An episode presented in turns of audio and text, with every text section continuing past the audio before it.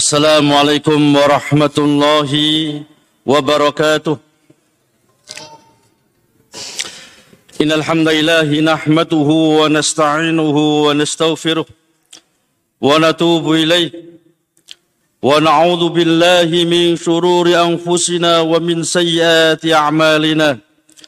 من يهديه الله فلا مضل له ومن يضلل فلا هادي له. أشهد أن لا إله إلا الله وحده لا شريك له وأشهد أن محمدا عبده ورسوله اللهم صل وسلم وبارك على نبينا محمد وعلى آله وصحبه أجمعين وبعد Jamaah yang semoga dirahmati oleh Allah Subhanahu wa taala. Alhamdulillah. Kita memuji dan bersyukur kepada Allah Subhanahu wa taala atas melimpah nikmat dan karunia yang telah Allah limpahkan kepada kita. Salawat dan salam semoga tetap tercurahkan kepada junjungan Nabi kita Muhammad sallallahu alaihi wasallam kepada keluarga beliau, para sahabat beliau dan umat yang senantiasa istiqamah di dalam menempuh jejak beliau yaumil qiyamah. Jamaah rahimakumullah, kita lanjutkan kajian kitab Tafsir Al-Muyassar yang mana pada pekan yang lalu kita telah memasuki ayat yang ke-26 dari surat Al-Qamar dan untuk malam hari ini kita lanjutkan tafsir surat Al-Qamar ayat yang ke-27. A'udzu billahi minasy syaithanir rajim.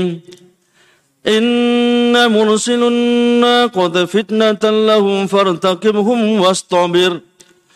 ونبئهم أن الماء كسمة بينهم كل سرب محتضر فنادوا صاحبهم فتعاطى فاقر فكيف كان عذابي ونذر؟ إنا أرسلنا عليهم صيحة واحدة فكانوا كاسيم فكانوا كاسيم محتضر ولقد يسرنا القرآن للذكر فهل من متكر كذبت قوم لوط بالنذر. إنا أرسلنا عليهم حاصبا إنا أرسلنا عليهم حاسبا إلا آل لوط نجيناهم بسحر نعمة من عندنا كذلك نجزي من شكر كذلك كذلك نجزي من شكر ولقد أنذرهم بطشتنا فتماروا بالنذر. ولقد راودوه عن ضيفه فطمسنا أعينهم فطمسنا أعينهم فذوقوا عذابي ونذر. ولقد صبهم بغرة عذاب مستكر فذوقوا عذابي ونذر. ولقد يسرنا القرآن للذكر فهل من مدكر Allah Subhanahu wa taala berfirman di dalam surat Al-Qamar ayat yang ke-27 Inna mursilun naqah fitnatan lahum Sesungguhnya kami mengirim kepada mereka onta betina sebagai fitnah bagi mereka, bagi ujian bagi mereka. Jadi ujian daripada kaum Nabi Saleh. Fartakibhum wastabir. Maka tunggulah mereka dan bersabarlah engkau wahai Saleh. Inna mukhrijun naqah allati saluha minas sahra. Kami telah mengeluarkan onta betina dari batu yang sangat besar seperti yang mereka inginkan. Jadi mereka kaumnya Nabi Saleh ya untuk merendahkan dan melecehkan nabinya Nabi Saleh alaihissalatu wassalam. Maka dia meminta sesuatu, mereka kaumnya meminta sesuatu yang perkiraan mereka nggak akan mungkin bisa dikabulkan oleh Nabi Saleh alaihissalatu wassalam. Jadi mereka meminta agar Nabi Saleh meminta kepada Allah agar Allah keluarkan seekor unta betina dari batu. Jadi batu yang besar itu, ya, mereka minta untuk meremehkan, untuk melecehkan Nabi Saleh, maka mereka meminta sesuatu yang anggapan mereka nggak mungkin bisa terkabulkan. Maka mereka mengatakan, weh Saleh, andai saja engkau betul-betul seorang nabi, maka munculkan dari bongkan batu yang besar itu seekor onta. Maka, maka, maka kami akan beriman akan kenabian. Maka berdoalah Nabi Soleh alaihi wasallam kepada Allah Subhanahu wa taala agar Allah tunjukkan ya kebesarannya. Dan termasuk mukjizat Nabi Soleh alaihi wasallam dikeluarkannya onta betina yang besar dari batu yang sangat besar. Ihtibaran lahum sebagai ujian bagi mereka. Betul-betul mereka mau beriman atau tidak. Setelah dikabulkan permohonan mereka. Setelah dikabulkan apa yang mereka mintakan. Katanya mereka akan beriman setelah dikabulkan. Maka onta betina ini sebagai ihtibaran lahum. Sebagai ujian bagi mereka. Kalau itu betul-betul mudah bagi Allah. Ya, apakah mereka akan beriman kepada Allah Apakah mereka akan mengikuti nabinya Nabi Saleh alaihi salatu wasallam. Fantadir ya Saleh ma yahilu biminal adab. Maka tunggulah ya, wa maka tunggulah ya Saleh. Azab yang akan menimpa mereka ketika mereka kufur kepada Allah, ketika mereka tidak mau beriman kepadamu. Wastabir ala da'watika iyahum wadahum lak. Dan bersabarlah Terus menerus dakwai mereka. Terus menerus dakwai mereka, seru mereka, ajak mereka. Wadahum lak. Dan juga bersabarlah atas yakni ada mereka. Yakni gangguan-gangguan mereka. Jadi Nabi Saleh alaihi diperintahkan oleh Allah untuk bersabar, terus berdakwah walaupun kaumnya senantiasa mengganggu, Walaupun senantiasa kaumnya menyakiti, Nabi Soleh diperintahkan untuk bersabar oleh Allah dan tunggu bagaimana akibat dari perbuatan kaum yang mereka kufur kepada Allah dan Nabi-Nya alaihi salatu. Fanabi'hum dan habarkan kepada mereka annal ma'a qismatun bainahum sesungguhnya air ya air itu dibagi di antara onta dan mereka. Satu hari untuk onta, jadi air telaga itu. Satu hari untuk onta, satu hari berikutnya untuk kaumnya Nabi Saleh. Jadi kalau sekarang ini bagiannya onta, besok bagiannya kaumnya Nabi Saleh. Kemudian seterusnya bagian onta. Dan nggak boleh nyelonong. Kalau nggak bagiannya nggak boleh itu. Itu diuji mereka ini. Ya, diuji. Setelah permohonannya, permintaannya dikabulkan oleh Allah, maka mereka diuji. Apa mereka betah mereka? Mereka kuat, mereka iman. Ya, dengan diuji satu hari air itu untuk onta, satu hari untuk untuk mereka.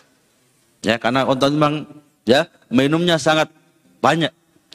Makanya termasuk siasat perang dari sahabat Nabi yang luar biasa yang nggak pernah ya nggak pernah diketahui oleh musuh-musuh kaum muslimin ketika peperangan kaum muslimin dengan orang-orang kafir di suatu padang Sahara yang nggak ada air inilah siasat yang dimiliki sahabat Nabi yang luar biasa. Apa itu? Mereka membawa onta dikasih minum sebanyak-banyaknya. Ya onta suruh minum sebanyak-banyaknya. Ya karena tempat yang digunakan perang ada tempat yang sangat gersang nggak ada nggak ada air. Ya. Musuh nggak menyangka kalau siasat sahabat Nabi sehebat itu. Mereka nggak nggak belum kenal siasat perang semacam itu. Ya, dibawa onta sebanyak-banyaknya, suruh minum air sebanyak-banyaknya. Ketika medan perang di tempat yang gersang nggak ada air, musuh sudah kehausan nggak ada air. Sahabat Nabi nyembelih onta, keluar airnya. ya, dagingnya untuk makan, air yang ada pada lambungnya itu digunakan untuk untuk minum. Ya, itulah hebatnya para sahabat Nabi kita Muhammad Sallallahu Alaihi Wasallam. Jadi apa itu onta suruh minum sebanyak-banyaknya.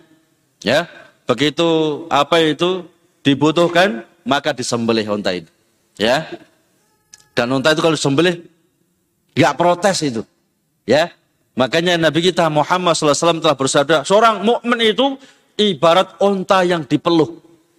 Ya, onta itu nggak dipeluk sudah manut dia. Suruh ngalor, ngalor, ngidul, ngidul, nggak protes dia. Bahkan mau disembelih itu loh. Meneng baik, nggak pancal-pancal di sapi. Ya, kadang-kadang kita kaget. Ya, begitu onta enak-enak berdiri, bus, langsung geblak itu. Ya, jadinya nyembelihnya ya langsung ditebas itu. Ya, kita yang enak-enak ngomong-ngomong dengan mereka orang-orang Arab itu, ternyata langsung ontanya gelempang, langsung dibabat sedikit langsung. Masya Allah. Jadi mereka nggak nggak perlu pakai tali sapi nggak itu. Nah, kalau kita sapi ya mau sembilan korban itu sapi tarik tarik macam-macam, onta nggak perlu ya. Jadi berpas pos berdiri langsung sembilan seret ya, masya Allah. Dan Nabi contoh, yakni Nabi ibaratkan mukmin itu seperti onta yang dipeluh. Ya, onta yang begitu manutnya dipeluh lagi, maka lebih manut dia. Apa maksudnya? Mukmin itu ketika telah perintah Allah dan Rasulnya, sami'na wa ta'na, nggak akan protes dia. Jadi orang mukmin itu ketika sudah betul-betul ada firman Allah dan sabda nabinya Muhammad SAW, maka kewajiban mereka ada sami'na wa ta'na. Enggak protes sudah. Ya. Enggak banyak tanya seperti orang-orang Bani Israel, ya. Ketika diperintah nyembelih sapi, tanya lagi, tanya lagi, tanya lagi sehingga memberatkan mereka. Ada orang mukmin diperintah langsung. Makanya ketika salah seorang sahabat Nabi, sahabat Aqra, ketika Nabi bersabda, "Ayuhan nas, innallaha qad iftarada alaikumul fahujju." Wahai manusia, Allah telah wajibkan atas kalian untuk ibadah haji, hajilah kalian. Maka salah seorang sahabat, sahabat Akra, belum mengangkat jari telunjuknya, akulah amin ya Rasulullah SAW, Nabi diam. Akulah amin ya Rasulullah SAW, Nabi pun juga diam. Sampai tiga kali. Akulah amin ya Rasulullah SAW, ya. Faqala Rasulullah SAW, lau kultu na'am la wajabat, walam mastata'atum. Andai saja aku katakan ya, maka pasti diwajibkan Allah atas kalian haji tiap tahun. Walam mastata'tum. Dan kalian nggak akan mungkin mampu. Artinya tiap tahun pasti dapat dosa karena nggak mampu haji. Ya. Maka kata Nabi, tidak amartukum bihi fa'tum minhum mastata'tum. Ya, kalau aku perintah lakukan semaksimal kalian. Wa idza nahitukum anhu fastanibuhu. Dan ketika aku larang tinggalkan. Fa inna ma ahlakal ladzina man kana qablakum kasratu masailihim wa ihtilafum ala anbiya'ihim. Karena umat-umat terdahulu itu mereka dibinasakan oleh Allah karena mereka banyak protes kepada nabinya. Ya. Banyak tanya, banyak protes. Wahtilafum ala anbiya'ihim dan mereka banyak menyelisih ajaran salat nabi, nabi-nabinya. Makanya diperingatkan. Kita nggak boleh terlalu banyak tanya, ya. Karena bisa jadi dengan sebab pertanyaan itu Allah wajibkan sehingga membuat banyak manusia kaum muslimin berbuat dosa di hadapan Allah Subhanahu wa taala. Fanabihum annal ma'qismatun bainahum. Maka sampaikan kepada mereka bahwasanya air yang ada di telaga itu kismatun bainahum itu dibagi di antara mereka dan juga onta. Kalau serbin muhtadar, maka setiap orang yang punya bagian, maka dia adalah mendapatkan bagiannya. Wahbirhum annal ma'a maksumun baina qaumika wan naqah dan habarkan wahai Nabi Saleh kepada mereka kaummu bahwasanya air itu dibagi antara kaummu dan juga onta tersebut. Linnaqah yaumun walahum yaumun bagi onta satu hari dan bagi kaummu satu hari. Jadi misalnya hari ini onta yang minum, besok kaum Nabi Soleh yang boleh minum. Hari ini kaum Nabi Soleh nggak boleh minum karena bagiannya onta. Ya, besok kaum Nabi Soleh yang bisa mengambil air telaga tersebut, tapi onta nggak boleh minum. Besoknya lagi onta yang minum, kaum nggak boleh minum. Ya, ini diuji mereka ini. Ya, diuji sebagaimana orang-orang Bani Israel, ya, orang-orang Bani Israel mereka diperintahkan oleh Allah untuk mengkhususkan ibadah pada ketika hari Sabtu. Ya, hari Sabtu mereka nggak boleh kerja. Hari Sabtu mereka harus khusus ibadah kepada Allah Subhanahu wa taala. Ini orang-orang Yahudi. Maka karena ya karena kekufuran mereka, karena kesombongan mereka, karena kelancangan mereka, maka mereka diuji. Kalau hari Sabtu ikannya nongol-nongol. ikannya gede-gede nongol-nongol sudah. Ya, kalau selain hari Sabtu, ikannya nggak ada yang nongol.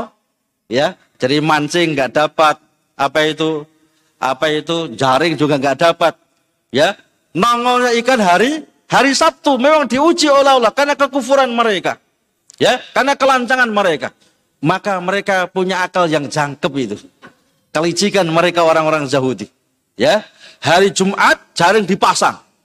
Ya, hari Jumat jaringnya sudah dipasang. Ya. Kemudian hari Ahad jaringnya di diambil. Maka diperingatkan oleh nabinya, ya. Baik kaumku, bukankah kalian nggak boleh bekerja hari Sabtu? Baik Nabi, kami ini nggak kerja hari Sabtu. Anda kan tahu kami di mihrab itu berdoa, beribadah, ya. Kan Anda tahu, kami senantiasa ibadah hari Sabtu di mihrab, nggak keluar ke mana-mana masa gitu. Tapi jaringnya sambian nih loh dipasang hari hari Jumat. Kata mereka yang Yahudi, ya, kami kan ya kerjanya hari Jumat, ngambilnya juga hari Ahad. Berarti keluar hari Sabtu. Ya. Dengan perbuatan mereka, maka Allah ya Allah berikan hukuman kepada mereka. Yang lanjut usia, mestinya banyak tobat kok masih berbuat maksiat, dirubah menjadi seekor yakni babi. Ya, jadi yang tua misalnya banyak tobat, istighfar, masih maksiat, maka dirubah menjadi seekor babi. Adapun yang masih yang muda-muda, karena muda ini memang ya nafsunya masih hebat, ya kesabarannya kurang, maka dirubah seperti perbuatan mereka. Perbuatan mereka seolah-olah benar tapi nggak benar, ya kan? Seolah-olah kan benar. Dipasang jaring hari Jumat, berarti kan bukan Sabtu diambil jaring hari Ahad, berarti kan juga bukan hari Sabtu. Maka mereka dirubah menjadi seekor kera. Kera itu kan seolah-olah seperti manusia tapi bukan manu, manusia. Seperti perbuatan mereka, ya. Seolah benar tapi tidak tidak benar. Ya, maka al jaza'u min jinsil amal, balasan sesuai dengan perbuatan. Bahkan mereka juga diharamkan untuk jual beli daging babi. Maka akal licik mereka jalan sudah. Ya. Daging babi itu digongso ya, sehingga keluar minyaknya. Jadi dagingnya nggak diambil, yang keluar minyaknya. Maka minyak dijual, minyak minyak dijual. Diperingatkan oleh nabinya, bukankah kalian diharamkan oleh Allah untuk memperjualbelikan daging babi? Wahai Nabi, ini bukan daging, ini adalah minyak. Padahal itu ya daging babi yang digongso sehingga keluar minyaknya. Mereka diadab oleh Allah Subhanahu wa taala karena banyak menyelisih nabi-nabi mereka. Jadi apa itu? Itulah perbuatan orang-orang Yahudi, memelintir-melintir ayat, memelintir-melintir hukum, maka seorang muslim yang semacam itu memelintir-melintir ayat, memelintir-melintir hukum, ya, bolehnya mengucapkan selamat Natal di pelintir-pelintir misalnya. Ini persis perbuatan orang Yahudi, menyontoh perbuatan orang Yahudi. Ya. Kata Nabi kita Muhammad SAW, ya, satatabi'una man kana qablakum sibran bi sibrin wa dhira'an bi dhira'in. Kalian akan menyontoh, meniru orang-orang sebelum kalian. Yahudi dan Nasrani satu jengkal demi satu jengkal, satu hasta demi satu hasta. Bahkan anda saja mereka masuk luang biawak, kalian pun akan masuk luang biawak. Ya. Kemudian fanadau sahibahum fata'ata fa'aqar. Maka mereka mengajak teman-temannya fata'ata fa'aqar untuk menangkap onta itu kemudian fa'aqar membolengnya. Bahkan apa itu sayembara. Ya, Siapa-siapa yang berhasil membunuh onta ini, maka hadiahnya sekian sekian sekian ditambahi wanita. Ya, ditambahi wanita. Jadi apa itu dibuat sayembara oleh kaumnya Nabi Soleh. Siapa-siapa yang berhasil membunuh onta, ya mukjizat daripada Nabi Soleh, maka hadiahnya demikian demikian demikian ditambah tiga wanita yang tercantik di antara mereka. Ya, maka ramai-ramai mereka memburu daripada onta tersebut. Ya, sehingga ketika onta itu dikejar lari, maka dipanah kakinya, jatuh. Begitu jatuh langsung ditebas, ya, ditebas dengan pedang mereka. Ya, sehingga tiga orang yang berhasil membunuh ini mendapatkan hadiah yang dijanjikan, ya, sekaligus mendapatkan tiga wanita cantik, ya, masing-masing satu, satu dan satu. Maka mereka memanggil teman-teman mereka untuk menangkap onta tersebut dan membolengnya. Maka alangkah dahsyatnya adabku dan juga peringatanku. Mereka diperingatkan agar jangan sekali-kali mengganggu onta tersebut. Supaya dibiarkan hidup ya tanpa diganggu. Ya, waktunya minum jangan diganggu, waktunya makan jangan diganggu. Biarkan saurip-uripe. Ya, tapi mereka merasa terganggu karena minum mereka dibatasi sehari untuk mereka, sehari untuk untuk onta. Maka Allah berfirman, "Fakaifa wa nudur?" Maka alangkah dahsyatnya azabku dan juga ancamanku. Inna arsalna alaihim sayhatan wahidah. Kami mengirim kepada mereka kaumnya Nabi Saleh sayhatan wahidah. Suatu satu pekian yang sangat dahsyat ya suatu satu yakni suara yang sangat dahsyat mengguntur fakanu kahasimim muhtadar fakanu kahasimim muhtadir maka mereka menjadi seperti batang-batang pohon yang telah lapuk. Jadi begitu mendengar suara dahsyat sekali saja, mereka semuanya langsung mati. Ya. Kata Allah Subhanahu wa taala, seakan-akan mereka itu sebuah batang pohon yang sudah lapuk.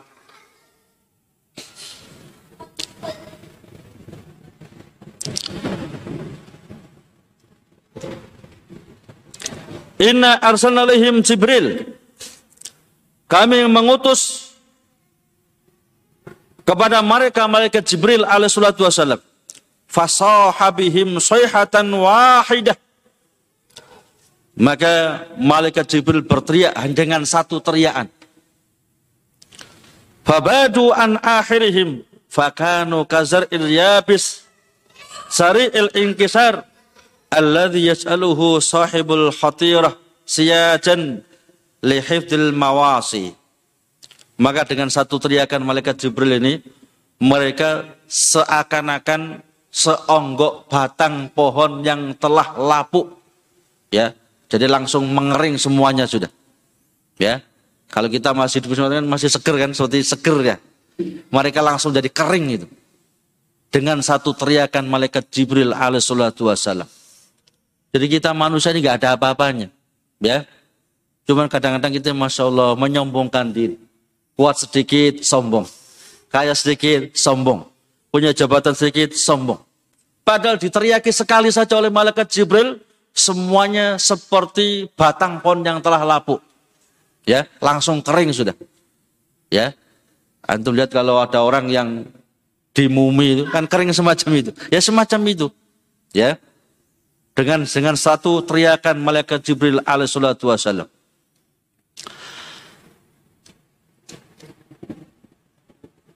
Walakat yasadnal Qur'an al-dzikri fal mim muddakir. Dan sungguh telah kami mudahkan Al-Quran sebagai peringatan.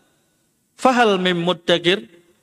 Maka apakah ada orang yang bisa mengambil peringatan dari Al-Quran? Jadi Allah jadikan Al-Quran itu sebagai peringatan bagi kita. Pelajaran bagi kita.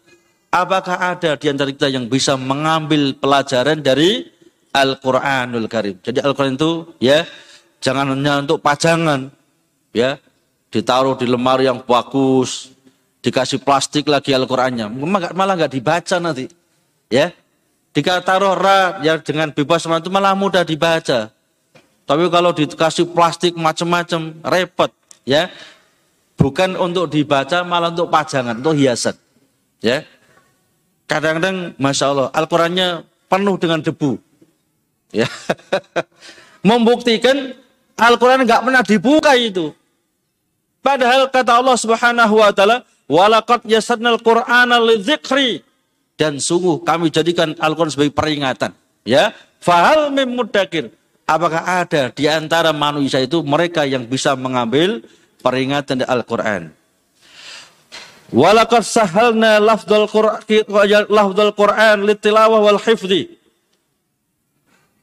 Dan sungguh telah kami mudahkan lafaz Al-Quran untuk dibaca dan dihafalkan. Ya, kita bukan orang Arab, ngomong Arab juga kadang-kadang nggak bisa. Tapi berapa banyak ya kita yang bisa hafal Al-Quran.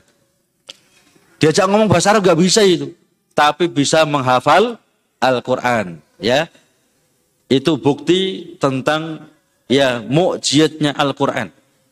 Mudah dihafalkan. Ya, mana ada orang-orang Yahudi yang hafal kitab Taurat? Gak ada itu. Mana ada orang-orang Nasrani hafal tahu yani kitab Injil? Gak ada itu. Jika ada khilaf Injil itu perjanjian lama, perjanjian baru. Karena nggak ada kesepakatan. Tapi Al-Quran di mana pun, di Malaysia, di Singapura, di Cina sana, di Tokyo, di mana pun sudah. Dengan di kita sama itu. Satu huruf pun gak beda. Ya kan? Di seluruh dunia ini loh. Al-Quran gak ada beda. Satu huruf gak akan mungkin beda. Ini bukti kebenaran janji Allah Subhanahu wa taala inna nahnu nazzalna dzikra wa inna lahu lahafidun. Kami yang turunkan Al-Qur'an dan kami yang akan menjaga kemurnian Al-Quran. Termasuk ya penjagaan Allah atas Al-Quran, mudahnya kaum muslimin menghafal Al-Quran. Kalau kita sungguh-sungguh dua tahun sudah bisa itu. ya. Padahal kita ngomong bahasa Arab nggak bisa. Tapi alangkah mudahnya saudara kita kaum muslimin ya bisa menghafalkan Al-Quran dalam 30 juz. Ya. Kelanjutan ayat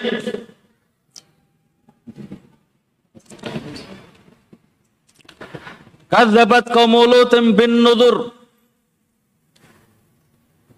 Dan kaumnya Nabi Lut mendustakan peringatan kami.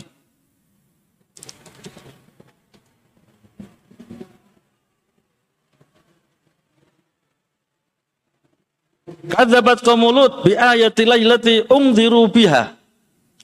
Kaumnya Nabi Lut mereka mendustakan ayat-ayat Allah yang telah Allah peringatkan atas mereka.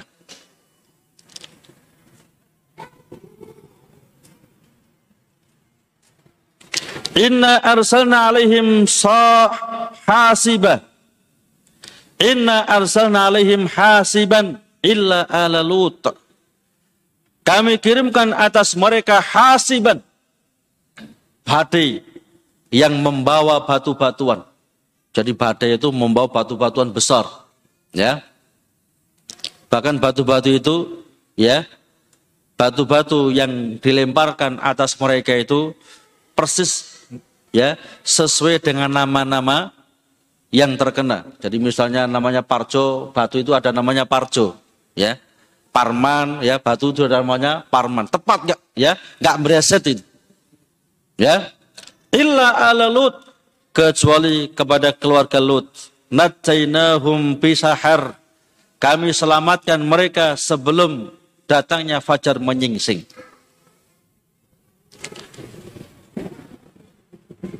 Nikmatan min indina. Sebagai nikmat dari sisi kami. Kadzalika najzi man syakar. Demikian itulah kami berikan balasan atas orang-orang yang mau bersyukur.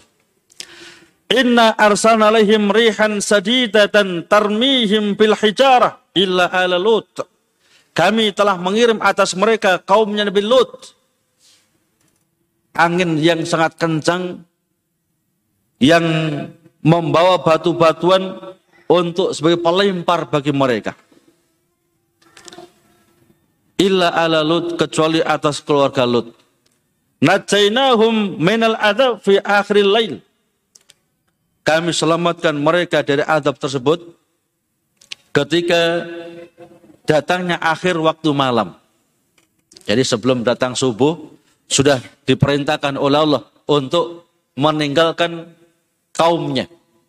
Ya. Dan Nabi Lut dilarang untuk menoleh ke belakang. Jadi meninggalkan kaumnya dan nggak boleh sekalipun menoleh ke belakang. Mengapa? Kalau noleh ke belakang adab yang begitu dahsyat, ya, maka tentunya Nabi Lut nggak akan tega itu. Ya, maka diperintahkan oleh Allah untuk keluar, ya, dari tempat tinggalnya, meninggalkan kaumnya dan jangan sekali-kali menoleh ke belakang. Kami selamatkan mereka dari adab ketika sebelum akhir malam. Nikmatan min indina alaihim. Sebagai nikmat yang kami berikan kepada mereka.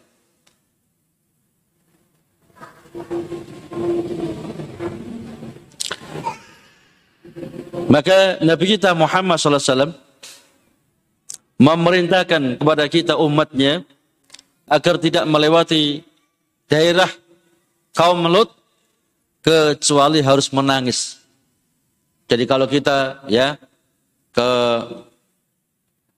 Saudi Arabia sana ya ketika melewati tempatnya dulu kaumnya Nabi Lut diadab oleh Allah kalau lewat situ kita wajib nangis.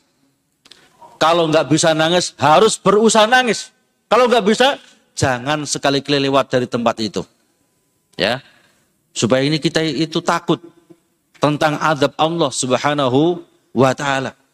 Cuman kadang-kadang kita ini malah aneh itu. Ya, tempat yang di situ untuk adab malah untuk selfie. Masya Allah ya. Ada gerhana matahari loh selfie. ya, mestinya kalau ada gerhana kan kita sholat ya berzikir kepada Allah, bertobat kepada Allah, infak sodako. Tapi kalau zaman sekarang tidak. Berapa banyak saudara kita malah asik selfie ketika ada gerhana matahari ataupun rembulan. Tidak sibuk dengan sholat, tidak sibuk dengan berzikir. Padahal Nabi memperingatkan dalam hadis yang sahih riwayat Bukhari dan Muslim, Inna samsa wal qamara ayatan min ayatillah la yaksifani li mauti ahadin wala li hayati. Faida ra'aitum dhalik fatullah wa sallu wa tasaddaqu. Ya, sesungguhnya mata dan rembulan itu tanda-tanda di antara tanda-tanda kebesaran Allah Subhanahu wa taala. Keduanya tidak gerhana dengan sebab lahirnya orang mulia atau meninggalnya orang mulia. Maka ketika kalian melihat gerhana, berdoalah kepada Allah, sholatlah dan infak sodakohlah. Ya. Jadi ibadah yang dianjurkan ketika terjadi gerhana bukan selfie-selfie. Tapi kita sholat, berzikir, bertobat, dan infak sodakoh. Ya, itu peringatan itu. Kalau Allah mampu membuat gerhana, maka Allah mampu membuat yang lebih dahsyat, dahsyat lagi, yakni terjadinya yaumil yaumil kiamah. Kita tambahkan satu ayat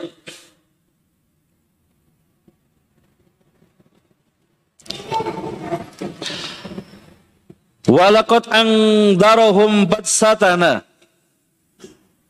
Dan sungguh Nabi Lut telah memperingatkan mereka tentang adab kami. Fatamaro bin Nudur. Dan mereka mengingkari tentang ancaman-ancaman kami. Jadi Nabi Lut alaihissalatu telah memperingatkan pada mereka bahwasanya adab Allah akan datang kalau kalian tetap berbuat semacam ini. Tapi mereka mendustakan, meremehkan, bahkan menghina adanya adab Allah Subhanahu wa taala. Walaqad rawaduhu an Dan sungguh mereka kaum Nabi Lut membujuk Nabi Lut untuk menyerahkan tamunya. Jadi malaikat-malaikat yang hendak mengadab mereka itu bertamu dulu kepada Nabi Lut Bahkan sebelum bertamu kepada Nabi Lut, bertamu kepada Nabi siapa? Nabi Ibrahim. Ya, maka Nabi Ibrahim ya ketika datang tamu, beliau langsung segera ke belakang menyembelih ya sapi muda yang gemuk dihidangkan ya. Kalau bahasa kita itu dipanggang, disate. Monggo silakan makan. Ya, tamunya nggak mau makan. Maka faham Nabi Lut ini bukan tamu biasa ini. Ini bukan manusia ini. Tetapi seorang malaikat. Malaikat juga makan. Ya, ngaku malaikat makan. Sekarang malah mati. ya kan? Ngaku malaikat makan minum. Buang hajat lagi. Ya, sekarang malah mati. Masya Allah. Tapi masih banyak pengikutnya. Maka ketika tamu-tamu nggak mau makan, ya Nabi Ibrahim ketakutan. Tahu ini adalah malaikat. Ya, maka Nabi Ibrahim bertanya, Wahai malaikat-malaikat, apa yang kalian kehendaki? Kata malaikat, aku diutus oleh Allah untuk membinasakan kaumnya Nabi Lot. Ya, selesai bertamu ke Nabi Ibrahim, bertamu kepada Nabi Lot. Ya nama, nama Nabi Lot dan Ibrahim itu adalah sepupu. Ya, sepupu. Ya. Dari Irak kemudian pindah Maka bertamu kepada Nabi Lut. Dan malaikat itu kalau menjelma menjadi manusia, menjelma menjadi laki-laki yang tampan. Gak ada apa itu malaikat kok perempuan gak ada itu. Ya. Ngaku malaikat tapi perempuan. ya. Jadi apakah ada manusia biasa bisa melihat malaikat? Ya para sahabat Nabi yang duduk-duduk di samping Nabi bisa melihat malaikat Jibril itu. Ya, antum bisa lihat dalam hadis Arba'in Nawawi nomor 2 itu. Kata sahabat Umar bin Khattab, ya, ketika kami duduk-duduk di samping Nabi, tiba-tiba datang seorang laki-laki yang sangat, ya, sangat putih pakaiannya, yang sangat hitam rambutnya.